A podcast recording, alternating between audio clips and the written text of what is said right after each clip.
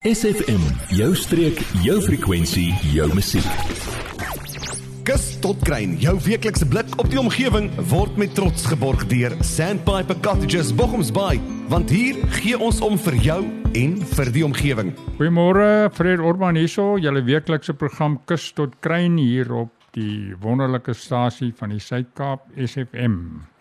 Ons gaan vandag weer gesels uh, oor die omgewing soos wat ons uh, weeklikse program hierdie tyd uh, 11:30 op 'n donderdag is. En vandag gaan ons 'n bietjie praat en 'n oorsig gee van die interaksie tussen die mense en die natuur gedurende die laaste vakansieseisoen. Nou ja, daar's altyd 'n botsing tussen die mense en die natuur want hoe meer mense, hoe swaarder kry die natuur. Vandag se program gaan ons net 'n uh, bietjie praat en ek gaan verslag gee van uh, onder andere 'n paar Bavarias, Midbrak Bavaria, Sedgefield Eiland Bavaria, Dana Bay Bavaria, Uh, ons het nog nie 'n verslag van Frans van Hoek gekry nie. Ons sal dit later behandel as hulle dit vir ons deurstuur en dan van Smart en dan ook van Groot Brak Bavaria. Hierdie Bavarias het almal 'n baie groot rol wat hulle daagliks speel vir die bewaring van ons natuur en uh hulle hou hulle sorg ook dat ons natuur altyd in die voorgrond bly dat die mense wat hier kom wat kom om hulle self te geniet nie die natuur vernietig in die proses nie. Ons gaan nou op ons eerste inset net na die musiek luister uh na 'n verslag van Smart en dan uh ook van uh van Midbrak en en dalk Sedgefield ook, maar ons sal vanoggend nou of net nou nou nou nou ook van Sedgefield gesels. Kom ons gaan eers 'n bietjie musiek luister dan kom ons terug na julle. Word deel van ons Facebookblad vandag nog facebook.com vorentoe skuinstreepie sfm streek. Ons is weer terug hierso na die musiek en ons gaan 'n bietjie uh, gesels oor 'n verslag wat ek van Smart gekry het. Smart se verslag gaan baie van die praat van die robbe want daar was uh, baie baba robbe wat uitgekom het wat hierdie tyd van die jaar uitkom en dan kom die robbe uit op die strand en dan wil die mense om omhels of terugsit in die water en uh, probeer om hulle te red. Nou ja, daar was uh, 60 uh, uh, strandings van robbe aangemeld gewees gedurende die vakansieseisoen. 15 klein robbe is teruggeneem na die eiland toe. Een baba rob is uh, het iemand gekry wat hulle probeer verkoop het. Hawelose mense het na 'n winkel gegaan in die in die Garden Route Mall en die rob daar probeer verkoop. Hy is natuurlik by hom afgeneem en uh versorg waar hy versorg moes gewees het. Dit gaan gewoonlik na smart se veeartse toe.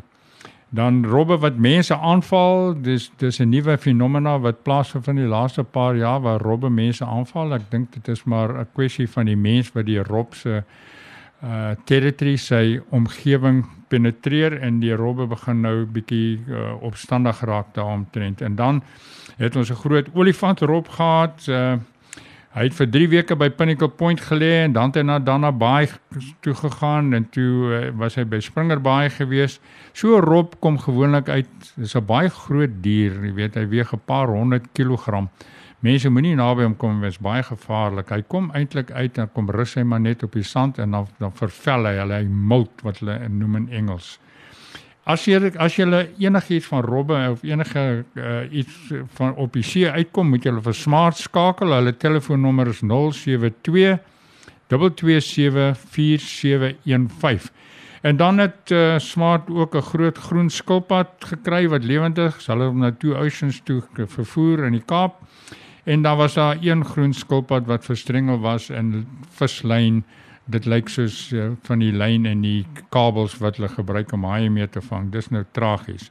Midbrak se verslag sê vir ons dat uh, ja, hulle het eh, 'n uh, redelike goeie en rustige seisoen gehad behalwe daar's nou 'n oplewing van strikke wat gestel word vir voëls en klein bokkies en al die dinge in die oop areas om Kleinbrak. En dan uh stappers en inwoners word gevra om op die uitkyk te wees vir sulke strikke. Dit kan of nylon wees of draad wat die mense span om nou kos te vang seker om te eet. En dan is daar nou 'n saak aanhange gemaak teen ses jong seuns wie se ouers woon in Kleinbrak wat 'n paar dik koppe blykbaar uh, doodgegooi het met klippe. Dit is ons tragies om sulke goed te verneem. En dan uh het ons ons gaan nou nou net na die musiek gaan ons 'n bietjie gesels oor Sedgefield en natuurlik Midbrak het ook weer 'n probleem met honde op die strande gehad. Jy, ja jy. Nou dat ons jou aandag het, vertel jou vriende van SFM en ondersteun plaaslik. SFM maak elke dag 'n goed gevoel dag. SFM. Goed, ons is terug nou met uh, die die nuus oor die omgewing en en die samewerking en botsing tussen die mens en die natuur gedurende die vakansieseisoen. Dan by uh, bewaar het vir my die volgende gestuur en ek lees dit uh, so 'n paar uh, uittreksels uit wat hulle vir my gestuur het en dit is in Engels en die van ons wat nie Engels kan verstaan nie moet maar hulle pelle vra om dit te vertaal. The impact as discussed in WhatsApp with my team yesterday, excessive amount of tortoises roadkill on our roads due to ignorance and speeding. Also other spe species roadkill examples Franklin en daar's twee bokke ook doodgery. Dis in Danabaai. Alle daar's baie gemors op die strande gelos van mense lyk my wat gaan partytjie op die strand wat jy nie mag doen en alkohol gebruik op die strand nie maar dit is uh, uh ook vir is 'n klagte van vissermanne wat baie van hulle lyn somme afstroop van die katrol af en dan met hoek en al op die op die strand los met sinkers en uh 'n groot uh aantal van die uh, die aas bokse waarin die aas kom.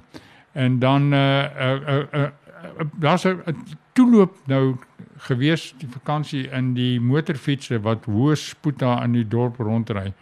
En dan ook 'n klagte van honde wat uit mense se jaarte uitgaan, uit hulle tuine uitgaan en dan bokkies jag en ander wilde lewe uh pla daarso en ook doodmaak.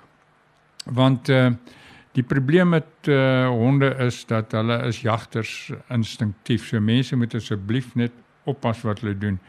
En dan natuurlik eh, 'n uh, groot probleem in Danabaai is ook uh, wanneer vakansiegangers hulle sakke buite sit voor die dag is van opneem en dan uh, word daai sakke maar net uh, oopgeskeur deur wilde diere daarso. In Grootbrak, die ganse blye probleem in Grootbrak en daai eh, die uitheemse ganse, die botsing, die emosionele botsing tussen mense en die behoud van die ganse ten koste van die natuurlike lewe daar. Die stoomtrein het 'n baie groot goeie rol gespeel om mense bloot te stel in die omgewing en Grootbrak se bewaarder sê vir my daar was so 'n boot gewees wat hulle nou gebruik het om mense op die Grootbrak kom ons sê die meer of die vlei land te vat en mense te wys hoe lyk die seevoëls en die natuurlike uh, voeltjies daar in die omgewing. En dan uh die die vuurwerke wat natuurlik onwettig ook op daai deel van die strand geskiet is gedurende die tyd. Ons is nou jammer om dit te hoor, maar uh op die algemeen uh oor die algemeen lyk my is die positiewe tendens dat mense begin bewus raak van die omgewing. Ons gaan nou terugkom na julle en dan gaan ons 'n bietjie praat oor nog 'n paar uh, klagtes wat gekry is en ook 'n paar insidente wat plaasgevind het wat uh, positief is. Baie dankie. SFM, jy feel van die Suid-Kaap. Ons laaste insit vir oggend en uh, soos ek net nou gesê het uh, dat die tendens is dat mense begin bewus raak en een van die redes hoekom mense begin bewus raak en besoekers begin bewus raak daarvan is die rol wat bewarias en bewaringsorganisasies speel om mense bewus te maak van die van die belangrikheid van die natuur want dit is eintlik hoekom mense na die tuinroete kom is om die natuur te geniet en die see is deel van die natuur en wat in die see binne in hom is ook deel van die natuur wat op die strand is 'n deel van die natuur wat deel wat op die duine is is ook deel van die natuur. So kom ons hou dit in gedagte. Daar was klagtes gewees onder andere van die haie wat kommersieel gevang word in areas waar daar baaiers is en uh, dan word die haie uitgesleep op die sand. Die mense neem foto's daarvan en later word hy teruggesit in die see in. En dan wonder mense net wat is die oorlewingsfaktor van so 'n haai of die kans dat hy gaan oorlewe as hy eers gelê het op die sand of op klippe? Want 'n haai is nog nooit in sy lewe blootgestel aan swaartekrag nie. En as hy op die sand lê dan dan is sy hele gewig op sy liggaam en hy het nie bene nie, dit is maar kraakbeen. So sy binnekante word verneus en seer gekry en dan gaan die haai terug miskien. Hy word miskien ge, gemerk en dan teruggeset, maar of sy oorlewing daar gaan wees, weet 'n mens glad nie. En daar's dis nog baie onseker. Dan waar daar een of twee kogias uitgespoel, 'n maan kind, 'n kogias nou wat hulle noem die dwergwalvis het uitgespoel daar naby Springer Bay, die kleintjie het uitgespoel en die ma toe ook uitgeswem en mense het probeer om daai kleintjie terug te kry. Nou ja, dit 'n mens wat deur die poging wat mense aanwend om diere terug te kry wat uit die see kom terug te sit in die see en maar dit is eintlik die verkeerdste ding om te doen. Maar as mense so haai sien uitspoel of enige ag ja haai nie of enige ding wat uitspoel wat lewendig is of dood is, kontak smart, hulle sal optree en hulle het die mense. Maar as jy so 'n walvis jy kry, probeer hom nie laat hy rol nie want as hy rol dan raak hy gedisoriënteerd en as hy gedisoriënteerd is dan kan hy nie sy pad terugvind nie. Ek het self 3 van hulle oor 'n paar jaar uitmekaar uit teruggeswem in die see en dit is baie moeilik en dit vat so 'n uur of 2 om saam met daai walvisse in deur die golwe te gaan om dit te doen. Ons wil net vir al die luisteraars sê en hulle vriende sê wat omgee vir ons omgewing. Baie dankie vir julle. Ek het 'n boodskap gekry van mense wat nou net in die Kreewiltuin was en daar gaan dit nou maar blyk maar rof. Maar een van die dae sal ons maar 'n storie doen op hoe mense se uh, behoudinge teenoor die natuur is en wat uh, wat is belangrik vir mense en wat is nie belangrik nie. En uh, ek dink ons trots op ons omgewing is die heel belangrikste ding wat ons kan doen. Baie dankie mense en uh, ons uh, praat weer volgende week met julle oor een van die onderwerpe van ons omgewing en hoe belangrik dit vir ons almal is uh om dit op te pas en te sorg dat dit hier bly. Hierdie program was vir jou gebring deur Sandpiper Cottages in Bochumsbaai, weggesteek in 'n ongerepte baai in Bavaria, off the beaten track, slegs 30 km vanaf Mosselbaai. Kontak Sandpiper Cottages via hulle webwerf sandpiper.co.za of per WhatsApp 081 071 6735. Adverteer jou besigheid vandag nog op SFM. Vir meer inligting skakel SFM gerus by 044 801 7811.